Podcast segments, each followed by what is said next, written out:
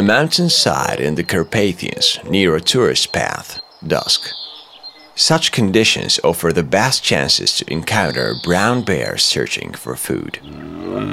Although the name comes from the color of their fur, representatives of the species differ significantly from one another with their unique palette of shades, weight, or even facial expressions. However, they are always intimidating.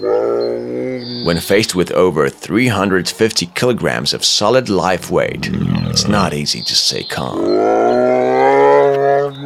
The bear, despite its stocky build, focuses on quality in all its activities running, swimming, and climbing trees and rocks.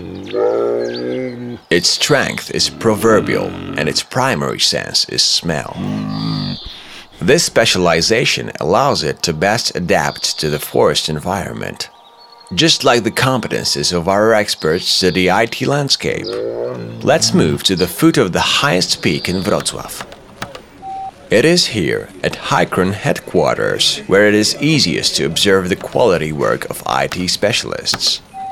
Just like bears, our experts, although they have much in common, are distinguishable by their unique range of competences the weight of the responsibilities entrusted to them, and even their facial expressions.